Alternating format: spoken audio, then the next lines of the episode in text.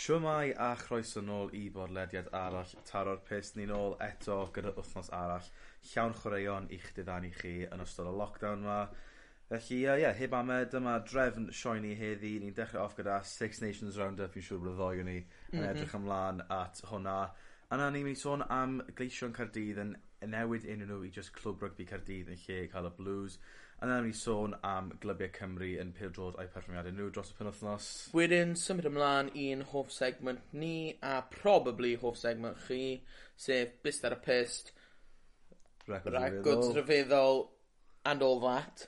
Wedyn, bach o bocsio yn sôn am fight recent Tommy, Tommy Fury, gan bod e hefyd i torri record. A wedyn, uh, Wales' World Cup bid am 2030 a hefyd y Euros yn potentially symud i'r Deyrnas Unedig a siwm ma' fe'n myn' i ffeithio arno pawb ond hefyd ni gan bod ni'n bwriadu mynd. Ie yeah, so felly heb awen i mynd syth mewn i bencampwriaeth y chwe gwlad... mm -hmm. ...ac yn sicr oedd e'n penwthnos i gofio i Gymru. Gyman! Curo Lloegr yn amlwg. Pawb mynd i absolutely love o hwnna. Mm -hmm. oedd e'n mhm. anhygoel. Gêm gwych i Gymru O'n i ddim yn disgwyl ni ennill, to be honest. Not by 40 um, points. Na. Ond, um, ia, ond cyn hwnna, ni just sôn yn gloi am gêm uh, yr Eidal. Iwerddon oedd yn eitha one-sided, Iwerddon mm -hmm. yn mhm. curo o 48 pwynt i 10. Felly, twod, dim really surprise fyna. Mae lot o gwestiynau yn dod nawr ynghylch os le i'r Eidal yn y benc yeah. Achos, twod, maen nhw ddim yn ennill gêm, maen nhw heb ennill gêm ers fel spel yn nawr. Wyth? Rhywbeth fel na. Sydd yn, ti'n ma'n, ma, um, yeah, mae ma lle nhw yn, uh, neu fath o rele relegation system, mae'n mm. ceisio, ti'n mae'n credu, mae angen... Fi'n credu, mae'r ma thing dy fe yw, mae, ma, cyn, cyn hwn, oedd neb arall mm. dy cyfle. Nawr mae dy ti tîm, tîm oedd fel Georgia, Fiji, Samoa, sy'n hefyd fel ma' nhw'n technically tier Two Nations ond ma' nhw'n chwarae well rugby bron na'r rhai Tier Ones a ma' nhw'n kind of cloi rownd yn dweud ni angen bod yn cystadlaethau fel y Six Nations er mwyn, er mwyn i ni allu gwella achos ar y foment ni'n stuck yn y rot ma. So, fi credu ma'n lle, fi, bydde, bydde ni'n lyco gweld rhyw fath o play-offs bach. Yeah. Bydde, hefyd falle yn um, codi lan yr eidl. Os, os mae dyn nhw rhywbeth fwy i chwarae am. Yn lle yeah. fel kind of, okay, well, ni'n ni colli gemau. Ond, i fod yn deg, mae'r Eidal di edrych yn dda blwyddyn ma. Merch yn well yn unrhyw blwyddyn arall. Ie. Yeah. Mae'n rhaid bod yn anlwcus i raddau fyd. Achos o, mae'r ma tîm oedd dal yn rhoi lot o bwyntiau ar nhw. Mae nhw'n mm. cael partneriadau da, am wedig um, Iwerddon dros y penwthnos. Yn 27-10 half-time felly, oedd e Italy ddim sgorio unrhyw, bwynt, unrhyw bwyntiau o gwbl. Um, yn y second. Ie, yeah, oedd nhw cwbl o injuries a staff. Mae fe just fel unwaith... Mae ma nhw wastad anna yn y first half. Ie, yeah, pan ddod A wedyn unwaith mae'r a hanner yn dod, a maen nhw goffa neud cwbl o subs neu beth bynnag, mae fe wedyn dechrau mynd lawr, well, downhill. Just pethau'n dechrau mynd yn anghywir, a wedyn game over 50 odd points against them. Ie, yeah. um, ond ar sôn at sôn y prif trafodaeth um, Nid yn unig ynghylch y, y canlyniad, ond yn amlwg, ynghylch rhoi o'r penderfyniadau oedd y digwydd yn y gen fyd. a fel o'n i'n sôn i fy ffrindiau fi dros penwthnos, dwi hwn ddim yn unrhyw fel fath o discredit i Gymru a ddim byd, achos... C Cymru fi... doi cais mas, ni dal yn ennill gan doi pwynt.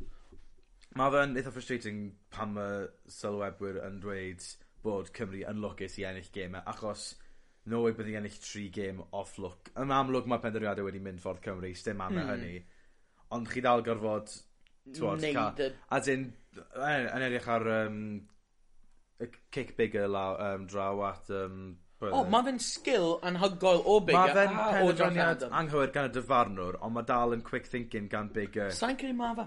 Na. Na, achos a, ar y pryd, o'n i'n meddwl, o, oh, mae ref di wneud camgymeriad wedyn, ond, fel wedi Sam Warburton yn y post-match in interview, interview, analysis, be bynnag, a hefyd fi wedi gweld clip ers ni o wide camera angle, pryd mae ref actually yn chwathu ei chwiban, mae Johnny May, sef obviously ddim, lle, ddim lle oedd Josh Adams, ond o'r ochr arall y cae, mae fe nôl ar wingau, mae 5 neu chwech chwaraewr mas, mae fe just oedd Lloegr so slow a di troi cefen nhw. A fi'n cofio nôl at chwarae rygbi fy hun yn twelve thirteen a pob tro oedd penalty neu rhywbeth yn erbyn ni peth gyntaf oedd coaches ni'n dweud yw don't turn your back. A nath Lloeger neud e switching off a nath Cymru just capitalise o, oce falle dyle ref 'di bod yn fwy um, vocal i Lloeger yn dweud two minutes or 10 seconds and the clock's coming back on a falle dylen nhw 'di har- fel they could have then sped up. Ond nath e, mm. nath e troi rownd a mynd, time's back on, blew the whistle, and Wales reacted. So, okay, it wasn't done very well, but he technically did nothing wrong. Ie, yeah, gwezyn, o ran fi credu oedd, ie, oedd cyfath, cyfathrebu ar ochr y dyfarnwr yn... Dim yn anghywir ond fel da, allai fi fod lot well, fi'n credu dyna mm. lle bydd Lloegr yn teimlo'n eitha rwystredig. Ond amlwg eto dal da iawn gan Cymru i gymryd mantes o hwnna yeah. a i wneud y c- cic dros y cae tuag at Adams a wedyn uh, cais da. A wedyn y cais arall yn amlwg mae hwnna'n dod â talking points lan eto yn knock on. Oedd Rhys Samet yn amlwg y camera angle 'na mae fe'n surprised iawn... yeah, on'... bod y cais 'di cael ei roi a mae dyfarnwr wedi dweud bod wedi cael y pen- y benderfyniad yn anghywir. Felly ti wbod... Yy eto mae ma' pobl 'di dad... like ma' ma' ma' obviously mae ma' rhywbeth fel hwn mynd i rannu y byd rygbi. Ond et, fi, fi, O'n i'n gwylio, a nes i ddim credu oedd yn knock-on, achos mae fe'n ma fe dod off un, un llaw, bwrw llaw arall, oce, okay, mae ma, ma fe'n mynd ymlaen wedyn, ond yn rygbi, mae ti, ti gallu jyglo'r pêl. As long bod ti wedyn yn neud rhywbeth dyfe, i.e. catch it, or put it through for a kick, you, you can juggle. So, nath e bwrw un llaw, bwrw llaw arall, ond wedyn mynd nôl dros cosau unwaith mae fe'n bwrw co- it's a kick. Ie, dwi'n licio lot o bobl di... Achos pan nes i weld e'n gyntaf, ni'n meddwl, o, mae'n anoc on, achos nes i ddim weld bod, bod o'n i'n meddwl bod y fath o cysylltiad da gosau ddim yn glir mm. iawn, ond wedyn edrych ar replay ma fe. Ond dwi'n meddwl, oedd e'n surprise i bawb yeah. ar, y pryd bod, e- bod wedi cael ei roi, a, a um, chwarae teg bod, e- bod wedi cael ei roi. Mm -hmm. Ond oedd e'n surprise mawr, ond eto, dwi e ddim i gyd lawr i look, nath Cymru Swan, o'n i'n um, ennill hanner amser, ennill hanner full time, ti'n gwybod. Dwi ddim lawr i look, fi ddim yn credu. Mae penderfyniad wedi mynd ffordd Cymru yn sicr yn ystod y bencampwriaeth yma.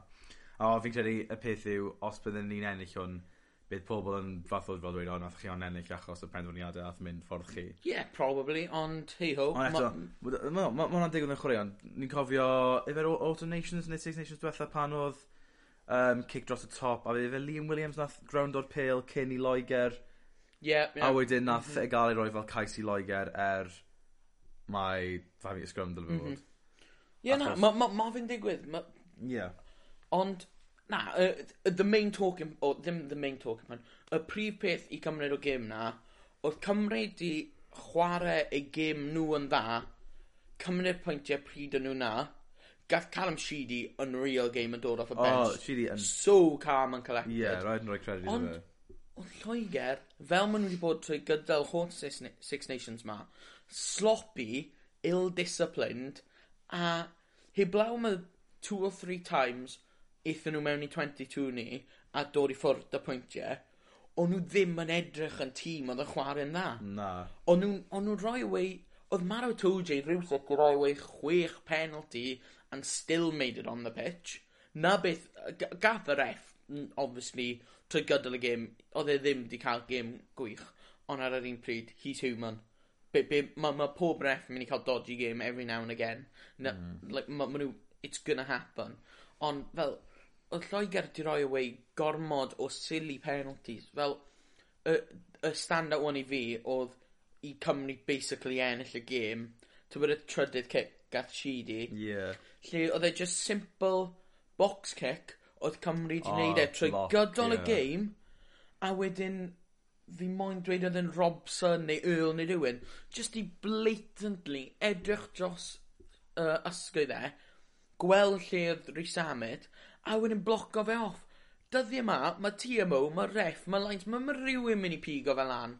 Os ti'n mynd i neud e, neud e fel ti'n edrych ar y pel, ddim edrych yeah, ar y dyn. Mae'n ma, n, ma n silly penalty roi ffwrdd yn hmm. wedig pan ti'n meddwl lle ch'mod, chi'n traso'r gêm, chi ddim mm. moyn rhoi pethau, stupid penalties i ffwrdd a wedyn, ti'n bod, a wedyn yn y ffôn oedd tri di mewn, oedd e'n cico bob dim, mm. oedd yn, o- o- penalty oedd e'n cael, felly oedd e'n bach yn penderfyniad dwp gan... Yn wedig, ma na. Os yeah. E, oedd e fel on 22 Cymru, neu yn hanner Cymru o leia, oce, okay, bach yn well. Ond oedd e just i fas o 22, oedd e'n kickable distance. Like, yeah. be, be, be ti'n neud? Wel, Wel, well, ond eto, ti'n bod, Cymru, ennill i goron drifflig, mm. Cam i mlaen eto i ennill i Six Nations. Fi dan credu allai Cymru sy'n gwneud e, ond be, be ddi ofn yw bod game Frank yr Alba mynd i cael ei chwarae ar ôl game Cymru Frank. Fi ofn bod y fath o reschedule o game na. Yes, Mae'n dibynnu pryd, well, achos... Yr unig peth fi'n gobeithio da, os maen nhw'n gweithio... Sa'n deall pan maen nhw'n methu chwarae fe penwthnos ma. Dyna yn i'n meddwl bod e'n gwneud mwy o sens achos, achos bod nhw'n dal so, Sa'n gwybod beth sydd wedi digwydd, mae fe ddim yn dydd mawrth heddi pryd ni'n recordio hwn. So, mae ma dal cyfle i nhw dod mas fori a dweud e. Ond i fi, fi credu mae fe'n anheg wedyn ni ddim yn chwarae fe nawr. A falle mae dyn nhw y gêm na ar yr ôl. Yn enwedig yeah. ffordd mae'r cystadleuaeth yn mynd, lle mae dal doi tîm dy'r cyfle. Gael y Grand Slam. Yeah. Ie. So ie fi'n credu yn sicr bod angen i nhw wneud rhywbeth i chwarae'r gêm na cyn ond eto sa'n gwybod os bydden nhw'n wneud e ddim. Sain siŵr. A mae fe'n kind of spoiler math o grand finale os mae Cymru a Frank yn mm -hmm. mynd ati ennill ei gêm enw i gyd. Ond um, os ydyn nhw ddim ti'n bod, dyna, dyna sy'n bydd e. Ond ie, yeah, um, ni'n gwneud fath o pre uh, preview y gemau yn sioe wythnos nesa achos oh, stim yeah, yeah. Stim byd yn ennill y penwthnos ma. Felly, yeah. Just fath o round-up. Ond ie, yeah, ti'n bod Cymru Lloegr, da iawn i Gymru. Mm -hmm. Fel ti'n dweud, Lloegr ill-disciplined, sloppy. Ddim y Lloegr ni fel arfer yn gweld mewn Six Nations. Na, felly. really ddim. Ac wedi mae hwnna gallu hefyd dod lawr at y ffaith bod chwaraewyr allweddol ddim bod yn chwarae achos tywod mae Saracens na, mm -hmm. gathen nhw y darostyngiad na a uh, o ganlyniad mae nhw ddim yn chwarae felly felly dyna pam falle bod dros yma eraill oedd e ond yn sicr dwi ddim lawr i look i Gymru achos Yn sic- ie ni wedi cael penderfyniad ar ffordd Cymru ond eto chi ddim ennill tri game mm -hmm. on the bounce achos look i gyd. Felly... no. um, yeah, so so chwarae teg i Cymru, credit iddyn nhw. Cyn i ni symud ymlaen, quick round-up o in it to Alan Winnett. A fi, fi rili like o enw na. Na, un o hoff rai fi mor fyd. uh, so ar ôl wythnos tri, fi'n falch i dweud ni fel taro pist i gallu recyfor o y shambles wythnos 2 i ryw raddau, a ni nôl lan i pedwerydd ond y biggest peth enillon ni y y general round yn wythnos tri mainly achos tactical masterclass ni o roi Keith Earls fel y super sub off y bench a gath e cheeky 100 points off y bench just i helpu ni dros y llinell. So, good week i ni. Mae Ellis sy'n cymryd e nawr, Mae Ems 'di cael dodgy week, 'di dropo i trydydd, Owain hefyd 'di symud lan i ail. So ni yn pedwerydd, ni'n dod am y spot gynta, ond pai- peidiwch chi chi ni, os ni yn ennill e, ni ddim mynd i bod yn gas a cadw y cwrw i'n hun, ni mynd i wedyn rhoi e i pwy bynnag sy'n dod yn ail. yeah. Ond gobeithio by' ni dal yn ennill.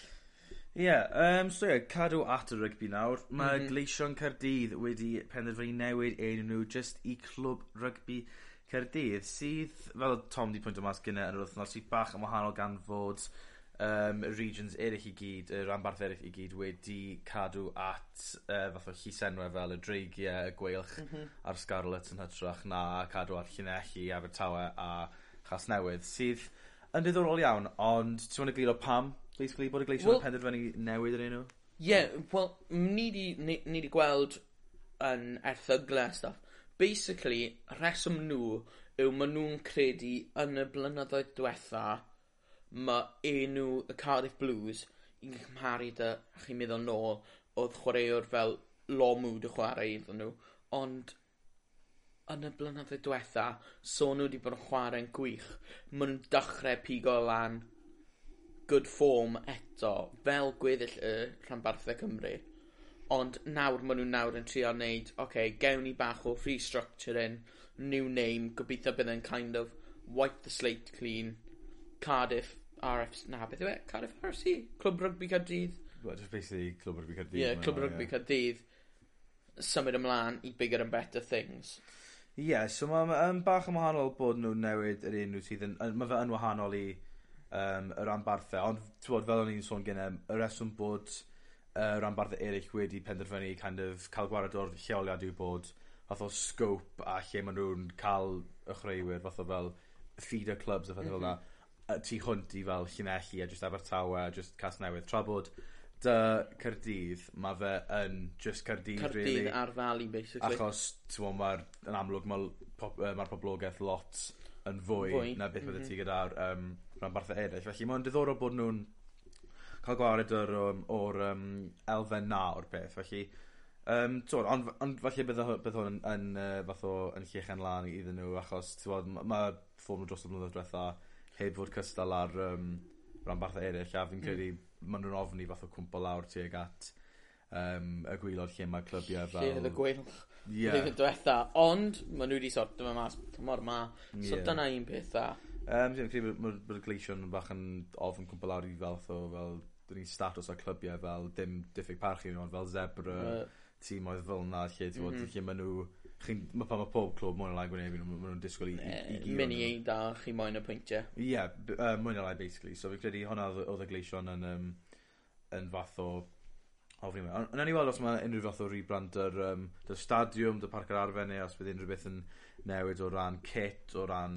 Mae logo yn amlwg mynd i newid. Ti'n credu, dim newid heb law am just... Y gar blues. Ie, yeah, just credu, blues. Yeah. Fel, just clwb rygbi Caerdydd, Cardiff wedyn ar yr un Saesneg. Mm. Felly, yna'r unig newidiadau wir sydd yn... Dwi'n rhywbeth ddiddorol bod uh, newid enw yn amlwg dros um, yn chwaraeon wir pan dros yr haf oedd yr whole Black Lives Matter movement di kind of dim o'r targedion oedd 'di dilyn at yn amlwg y Washington Redskins, mm -hmm. Washington... Exeter Chiefs. Exeter Chiefs hefyd, Mae ma', ma hwnna'n digwydd ond amlwg mae hwn yn, do, yn dod, ad, dod o gyfeiriad cwbl yeah. gwahanol, Mae hwn yn dod lawr i fath o tu fewn i'r clwb, um, fath o uh, gwelediad nhw o beth maen nhw'r clwb, beth maen nhw moyn i'r clwb fod yn y dyfodol yn amlwg.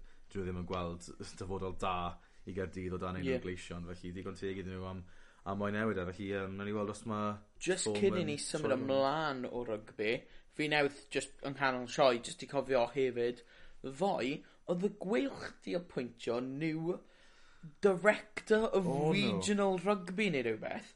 A basically, mae'r boi ma di dod o the City Group, i.e.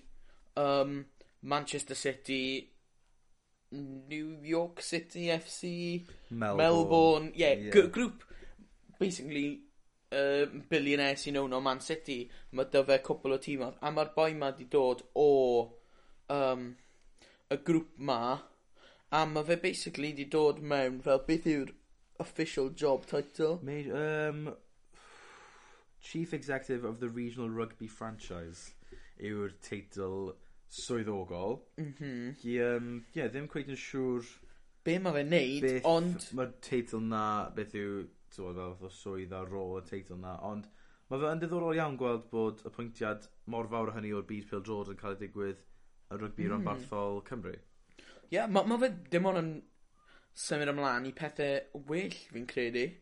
Um, ond, ie, yeah, huge appointment.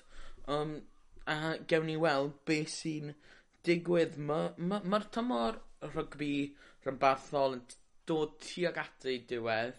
Uh, Mae ma' tîmedd Cymru yn neud yn dda yn ymffodus neb yn y top 2 o udd y conference ond mm. mae ma' dal tîm mae ma' Gwylch a mae y Scarlets y dou ma' ddoi ddou nhw yn trydydd yn eu conferences. So mae dal cyfle 'da nhw ond hefyd sa'n gweld nhw curo off naill y tîmoedd o yeah. Iwerddon neu y Scots. Ond, we will so, keep you updated. Ie, yeah, mae rhywbeth i adeiladu ar, ar, ar gyfer blwyddyn nesaf. Mm. Wedi cael gweilch ar ôl llynedd lle oedd Toby Booth dod mewn a di wneud job yn gwych. Ie, yeah, chwarae teg iddyn nhw. Um, aros yng Nghymru ond symud at chwaraeon arall nawr, ni'n mynd i just sôn am round-up o dîmoedd Cymru dros penwthnos a dweud y gwir, oedd e ddim yn penwthnos dda iawn. Dim ond Wrexham. Dim ond Wrexham sydd wedi curo. Nawr i ddechrau o'r cyngreiriau uwch a mynd lawr, so Abertawe wedi colli 3-1 i ddinas Bryste. Mae'n colli 2-3 nawr sydd Not ddim deal. yn dda iawn. Dwi'n credu bod y Manager of the Month curse wir wedi uh, bwrw Abertawe tro yma. Yep. Um, so ie, yeah, Andre Ayew yn sgorio penalty i uh, Abertawe, ond Naki Wells, Casey Palmer oedd arfenthyg i Abertawe ynghynt yn y tymor. Nath e celebreito fyd. A Antoine Semenyo wedi sgorio. A nath Casey Palmer sgorio yn syth o gornel fyd. Oedd yn... Fi wedi gweld y gol, sa'n rili siŵr, oedd e bach o defensive mix-up, ond hefyd yeah. just very lucky slash technique. Yeah. Sa'n sa siŵr. A wedyn Woodman ar fai am y gol ola, pale mm. drat o fe, cymryd ei amser, cicio fe syth at Semenio, Semenio mynd. Yn sgorio. So, ond, um, ie, yeah, Abertawe, ti'n gwybod, dwi e ddim yn uh, nodweddiadol yn nhw ar hyn o bryd i golli gemau, felly gobeithio bod Steve Cooper gallu uh, troi pethau rownd yn erbyn Stoke nos, nos y fori. Um, gobeithio bod nhw'n gallu troi Couple of changes fi'n credu sy'n angen fyd. Mae'r ma, ma tîm di, di blin o'r ôl. lot. Mae'r tîm yn chwarae yn gyson a falle bod y lefelau lefel ffitrwydd mm.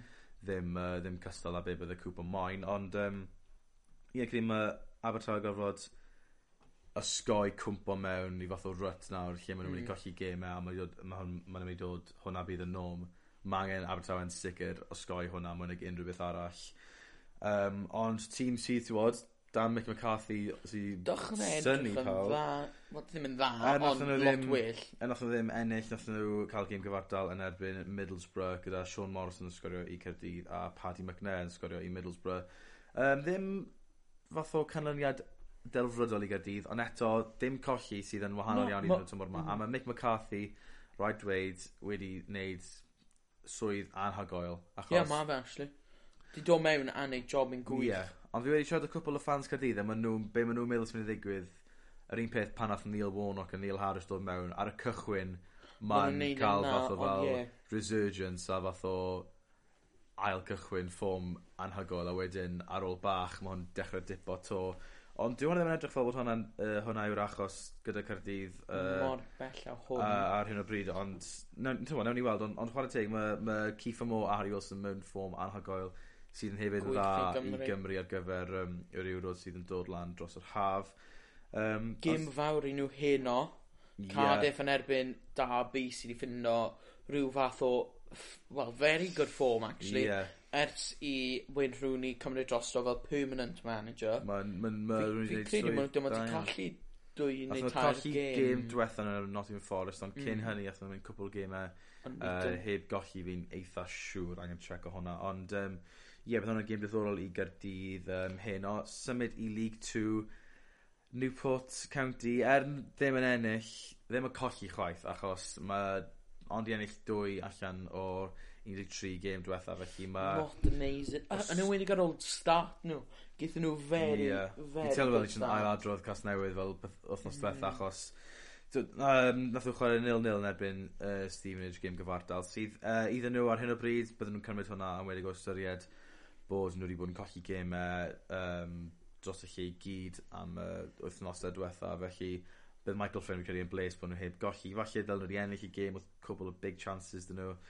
Ond um, eto ma' fe ma' fe ma' fe'n well na colli. So um, yeah, a wedyn Wrexham yn fath o chwifio baner Cymru dros penwthnos wrth iddyn nhw giro Walstone 4-1 gyda Thomas yn sgorio da, Young yn sgorio a Angus yn sgorio 'fyd. Mm -hmm. Felly mae Wrexham nawr lan i bimed yn Um, Mae nhw o beth Mae nhw o beth. Ie t'mo' ma' nhw four points off third place felly gobeithio bydden nhw gallu Um, mae Torquay fath o ddim 'di fel rydych i ffwrdd mae nhw four points clear at the top Ond mae Sutton eto gyda three games in hand ond nhw. Oh my gosh ie. Bydd Sutton fi'n credu yn... Sutton Sutton rili gallu tynnu wnna nôl. Ie yeah, ond um, yym ti'n bod, mae yn anffodus mae Eastleigh a Notts o dan nhw gyda multiple games in hand. a four games in hand felly dwi hwnna ddim yn ideal i Wrexham mae angen um, cadw i, uh, i, i giro gemau a pan mae dod i chwarae not a Eastleigh i wneud yn siŵr bod nhw'n ennill i gemau yna achos gallai gemau yna fod yn um, allweddol iawn yn uh, ei fath o chas nhw Ond... a hynt nhw i gyrraedd um, ar um, League 2. Ie. Fi hefyd yn credu ddo, yn ymwneud dy um, Rob... McElhenney. Thank you. A Ryan Reynolds. A Ryan Reynolds yn dod mewn. Fi credu i nhw bydde fe wedi bod yn bonus os o'n nhw'n mynd lan tymor ma. Ie. Yeah. Ond fi credu, ddim y bwriad, ond fi credu realistically maen nhw wedi edrych i falle rhoi fwy arian mewn dros y haf wedyn i rili really gallu gwythio blwyddyn nesa. So, fi credu fel nes i literally just dweud, ideally bydden nhw'n mynd am blwyddyn ma, ond yn yr un thing, sa'n credu os o'n i'n fan Wrexham, mae ma, ma dyn nhw y funds nawr, mae dyn yeah. nhw uh, investment, mae just angen cadw y mynedd tan mae'r amser yn dod. Mae popeth yn digwydd am reswm, falle. Yeah. Falle bydden nhw'n mynd am blwyddyn yma, a wedyn mynd nôl lawr blwyddyn nesaf. Os maen nhw'n arall, falle bydden nhw fwy o sylfaen gryf i wedyn gallu gwthio ymlaen falle mewn i League 2 a ymlaen a pwy wyr e? fel oedd y bet rhwng tu a gwern oedd e? Um, os ydyn nhw'n gallu cyrraedd y prem cyn y Swans, gobeithio bydd yna ddim yn digwydd, ond... Na, gobeithio ddim, ond... Ie, um, yeah, symud ymlaen nawr at holl segment pawb yn amlwg byst ar y pist a records rhyfeddol. Os chi ddim yn gwybod beth i hwn, eto chi eich bod. Byst ar y pist, mae Tom... Ni'n mynd i dweud eto. Bob wthnos. Bob tro. Wel, os chi ddim yn gwybod... Um... Ewch chi grand o'r sioe wrthnos diwetha. Ie, ie, ie, felly, ewch chi grand o'r sioe wrthnos diwetha i, i ffind o mas. Ond, um, ie, yeah, yn i syth mewn, so, records, best ar y pist, records. Yep, standard. So, ti'n moyn yr un, um, pil drod neu'r rygbi gynta? Uh, pil drod. Iawn, so hwn, most goals in a single Euros tournament. So, just in one tournament, faint o goals the most goals in a tournament ever. As in... As in not in that specific tournament. Fewn one tournament... Yeah, yeah. Most Be, goals. Player neu tîm? Player, player. Right, okay. Player. O, o'n i ddim yn siŵr os ti'n meddwl fel the whole competition, how many goals... Was... Okay. Um... Mae hwn yn mynd i fod yn anodd. Mae hwn yn... Nac mae hwn yn tough one. Uh, off y top, fi jyst mynd i dweud Miroslav Klose. Na, good Na. guess though, good guess. World Cup yeah. leading goal scorer, all there. So mae'r... Mae'n rhoi hyn. Mae'n hyn ti. Mae'r boi 'ma yn dod o Ffrainc. Oce. Yym a ei career path e yw Nancy, Saint-Etienne, Juventus from 1972 to 1987. um, mae fe wedi bod yn ddadleuol fel rhywun sydd yn uwch iawn yn UEFA. A last hint, mae fe 'di chware un international game i Kuwait. Oce Uh, fi ti'n meddwl pwy sydd wedi chwarae i Juve sy'n Ffrengig. Um, Dishops? Na. Uh, Kuwait Uh, fi ti'n... Mae hwnna... O'n i ddim yn gwybod 'na. Not gonna lie. O- o's o's 'na link okay, fi, fi slightly ben o'r reol yma. As in, ti'n bod fel... Os, os ti'n edrych arno fe, bydde ti'n gallu gweld mae'r chwaraewr hefyd gallu... Oh. Ti'n bod fel, mae Zidane yn edrych bach yn Algerian fi moyn dweud. Mae yeah. Zidane links i. Obviously mae fe ddim yn Zidane, ond... Um... Na, fe ti'n meddwl bod y boi ma'n dod o fel ardal o, yna. Um, Platini. Platini, yeah. Yeah, there we go. Platini. Fi, fi newydd clico dy UEFA. O, byddwn ni byth i cael... Faint o gols nath e sgorio yn Euros 1984? 17. Oh gosh na. Na? Lot iau. O. Oh. Um, now? Now, yeah. Oh. Nine goals in five games. Save. Ooh. What? Uh, record ar gyfer... Five games? Yeah. Flippin' heck. Chwarae teg iddo. Mm. Anhygol, right, right. okay. So byst ar y pist, chwaraewr rugby, okay. gan bo hwn yw kind of fel rugby series am bach, ti moyn y clues neu tîm oedd gynta? Um, na gael tîm oedd gynta. Okay, dim lot. Leinster, Western Force, sef tîm yn Australia. Okay. Um, a wedyn y clues, so, um, nath e cael ei uh, codi fel dairy farmer. Okay. Um, actually mae 'dy fi pedwar clyw fi credu. Um, mae brawdau hefyd yn chwarae internationally. Okay. A wedyn um, mae fe 'di Mae ma' 'dy fe Bachelors of Arts degree. Very very random i rugby player byddwn ni'n dweud. Yeah. Um, yeah. yw dal i chwarae nawr? Mae fe dal i chwarae. Ma' fe ne- blwyddyn 'ma nath e just cyn lockdown nath e adael Leinster i symud i ffwrdd i Western Force yn Australia. Okay. Um, fi'n cymryd mae yw e'n oh, Irish? Sorry, fi newydd cofio y pedwyrydd clyw. Mae fe hefyd y fifth cousin of the newly appointed US President Joe Biden. Os y ti gweld y tweets, Mae hwnna'n big clue achos nath... Fi wedi gweld rhywbeth. Nath, e, nath Joe Biden tweeto Island Rugby pryd nath y chwaraewr ma retire o internationally. Neu chwarae okay. gym diwetha. Sa'n so, cofio beth oedd e. Neu congratulations. Um, so Irish ma fe, ie. Yeah. Irish ma fe. So mae dyfe chwaraewr... Mae fe'n back, neu gwe, mae'n back. Mae fe'n bac. Mae dyfe brawd sy'n hefyd yn chwarae yn ymwedig i Leinster a fi credu mae fe hefyd i chwarae i uh, uh, Iwerddon yn internationally. Tra'n meddwl. Um, Ti'n meddwl nawr. Ti moyn y position?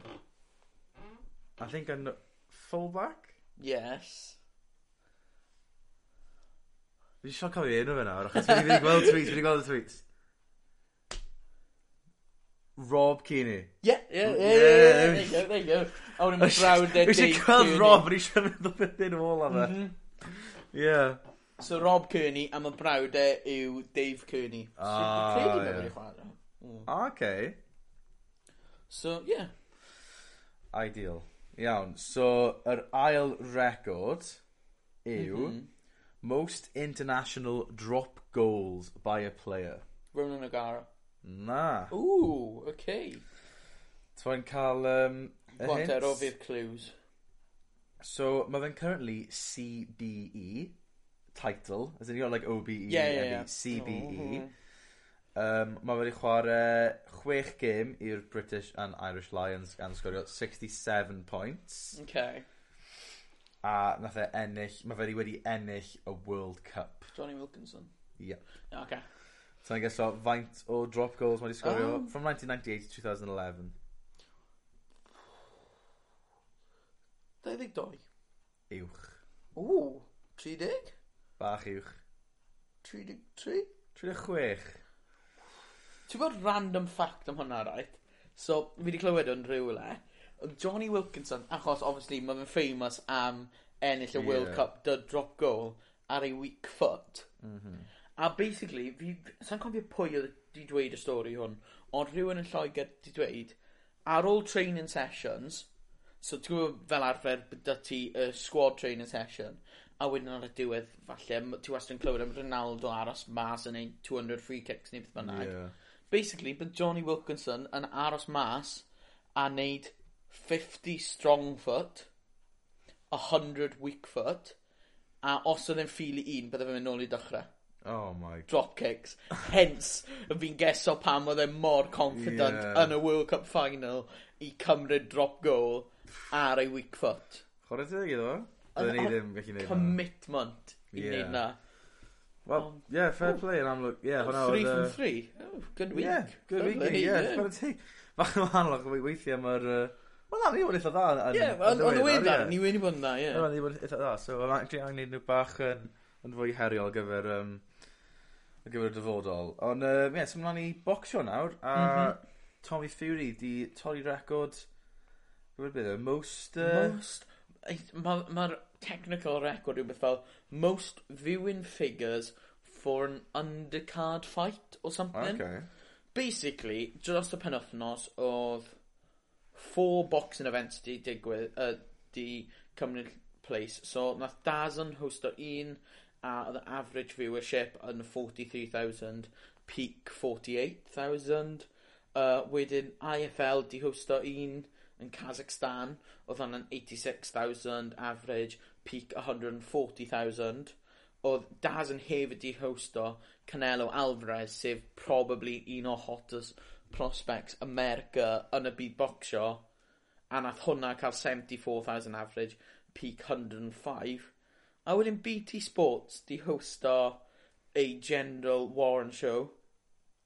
Average fifty eight thousand. A wedyn fight Tommy Fury. Peak one point nine million. Just bach um, drosto. anhygol i gymaru dy'r average figures a peak figures um, mm. o'r eitena eraill. So fi'n credu, amlwg, fi ddim moyn fod cas, ond sa'n credu bod lot o'n nhw na ar gyfer y sgiliau bocsio neu edrych a fath o fel... Na, probably dadansoddi'r um, paffio ond yn hytrach i weld Tommy Fury. Ond mm. ti'n bod, mae hwnna'n... Os mae fe wedi cael ei fath o enw fewn yn y byd um, reality TV a pethau fel yna, mae hwnna'n dod fe draw at boxing wedyn, falle bod yeah, lot o bobl yn cymryd diddordeb mewn bocsio achos hwnna. Ond eto, mae fe'n cael y viewing figures lan hefyd, so... Mae ma, ma, ma fe'n weird un, dy Tommy Fury, achos Odd dyfu platform yn y byd bocsio cyn Love Island... yeah. ...achos mae fe'n ymladd o dan yr enw Fury ar ôl Tyson beth bynnag so odd dyfu y stature yna yn y byd bocsio oherwydd hwnna a wedyn obviously mae fe wedi bod ar Love Island a fi credu mae fe wedi helpu cyrïer fe lot. Mm. I ryw radde 'dy'r big viewership numbers just achos nawr fi credu pwy bynnag sy'n mynd i ymladd e nesa yn mynd i mynd o okay, mae boi 'ma mynd i tynnu loads o sylw ata e i fi moyn neud yn dda. yeah. oh, give me the fight. A nawr mae fe'n fi moyn dweud mae fe nawr yn 6 yn oh neu 5 yn oh a fi fi yn teimlo dros Tommy Fury yn yr un pryd achos yn y byd bocsio mae fe yn scrutinised mor gymaint just achos mae fe obviously 'dy'r enw nawr a'r statio hwn fel obviously mae ma' nearly ten-fold o pobl yn gwylio fe i cymaru dy Canelo Alvarez. A mae pobl yn gwylio fe a mae ma' nhw'n gwylio fe dod lan i rhywun yn erbyn rhywun sydd rhywbeth fel fi credu yn sef- uh, o and seven professionally. So heb ennill professional bout. A mae fe bach fel o oh, pam maen nhw'n rhoi Tommy Fury yn erbyn hwn, ond that's how all boxers work. Ma' maen nhw'n goffod dechrau yn isel, gwitho ffordd nhw'n lan, Mae fe jyst digwydd bod 'da Tommy Fury, mae 'da ti the viewership at such a low level, fel arfer byddwn ni probably, hi- heblaw bod ti'n nabod y boi, neu yn dilyn e, falle os mae fe'n lleol, bydde ti ddim yn gwylio the early rounds, mm. bydde ti'n aros tan later on yn y night. So fel arfer, bydde ti ddim yn cymryd sylw o rhywun yn mynd yn erbyn 0 and 7. Yeah. Ond mae fe just achos mae dyfe such stature. Ond, eto, oedd e, e di bocsio'n gwych. A mae dyfe... Mae dyfe the natural ability o'r Tyson Fury name. Ond hefyd mae dyfe good coaching a unreal figure. Mae actual fitness level e. Mae physicality e yn gwych. A fi credu, ma, ma fe mynd i mynd ymlaen i wneud yn dda. Mm. Ond pwy o wyr, os bydde hefyd gallu cyrraedd yr un lefel a falle ei half-brother. Ie. Yeah. Twod, mae hwnna'n, os ydych chi'n neud na, mm. chwarae teiddo, mae hwnna'n bod fel lot, o lot, a lot o, o bethau i fynd cyn... No, cyn mae ma fe dal yn ifanc, mae fe dim ond 20, 21 falle?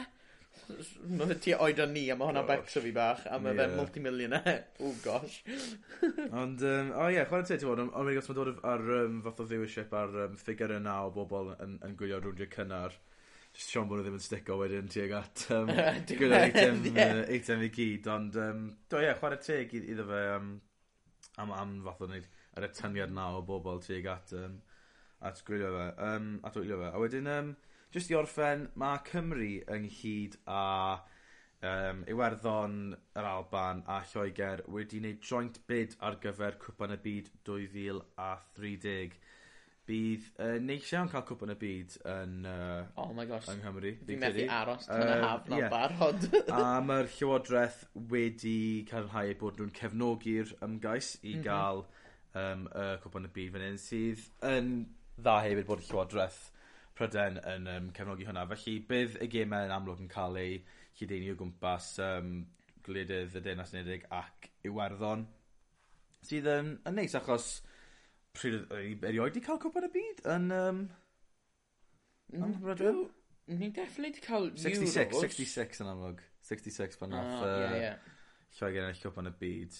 Um, ond ie, yeah, heb lawn ni, dwi'n sain credu bod um, Prydain erioed wedi cael un. Sa'n cofio un. So, Rili, really, bydde'n neis, achos mae wedi bod yn amlwg, amser hir yn amlwg. Mm -hmm. Mae cwbl o bids um, eraill, mae Portugal a Sbaen, mm. rwy byd mae Morocco wedi, fi'n credu bod ariannin Uruguay a Ooh. Peru, fi'n credu mae nhw wedi rhoi byd. Beth mae Peru yn ei mewn yna?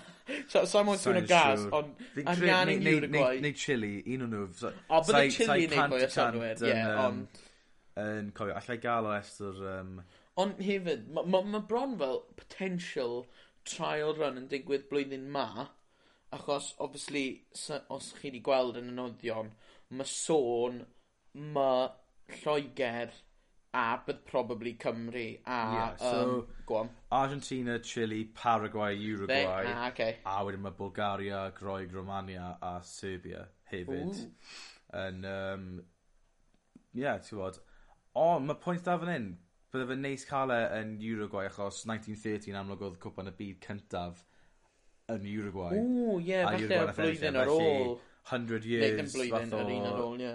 Centenary fath o beth. So bydd hwnna'n neis iawn. Bydd hwnna'n neis i'n gweld, ond yeah, hefyd... Ie, neto, o ran, gwylio game e, bydd gofod bod lan am ridiculous y cloc yn y bore, yn gwylio game e. Heb yeah. awn i mas neu'n hun yn, yn 30 o adeg ni, byddwn ni, os dyn ni am A byddai dal yn prifysgol, so I, can, I can, I'll be off yn y summer. um, ond, um, ie, yeah, oedd o'n diddorol i weld os bydd um, Gwledydd Prydain yn amlwg yn cael um, yn llwyddiannus yn ei mhm. hymgais, mm -hmm. ond um, os maen nhw clas, os maen nhw ddim, a ah, wel, ond hefyd maen nhw potential bod i Euros yn cael ei chwarae. Ie, yeah, blwyddyn ma, achos mm. obviously, mm. beth oedd e, cant blwyddyn o'r Euros neu rhywbeth, a um, wnaethon nhw penderfynu wneud dros Ewrop cyfan so fel Cymru geme Cymru fel ni 'di dweud cannoedd o weithiau, oedd y gêm gynta mas yn Baku yn Azerbaijan wedyn symud i canol Ewrop.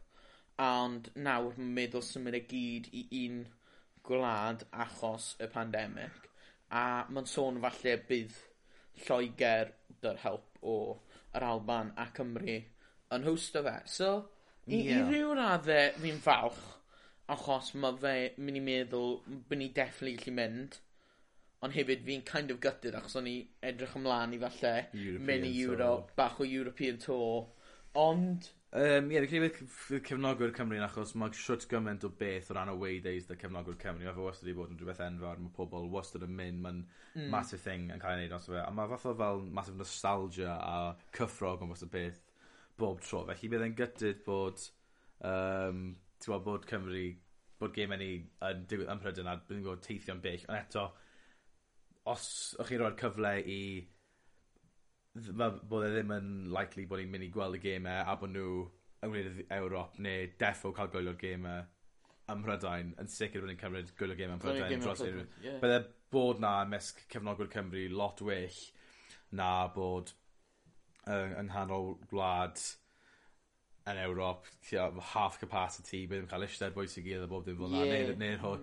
neu neu'r cyfle, neu'r um, ffaith allu ddim mynd o gwbl. Felly mae'n ideal bod, os mae hynny yn ddigwydd, yn amlwg ni'n dweud hwn, mae lot o ifs, buts a maybes dal o gwmpas y peth. Dwi ddim mm -hmm. hyd yn mm-hmm. oed cael ei cadarnhau eto gan UEFA neu unrhyw beth fel yna. Felly newn ni weld os mae hwnna'n mynd i ddigwydd. Ond... Um, Dyna ni? Ie, yeah, byddai'n diddorol i weld os mae hwnna'n ddigwydd. So ie, yeah, um, dyna ni am uh, podlediad, y podlediad yma. Yn amlwg, os chi ddim yn dilyn ni ar y socials, Twitter at Taro'r Pist a Facebook just Taro'r Pist yn o'ch ni.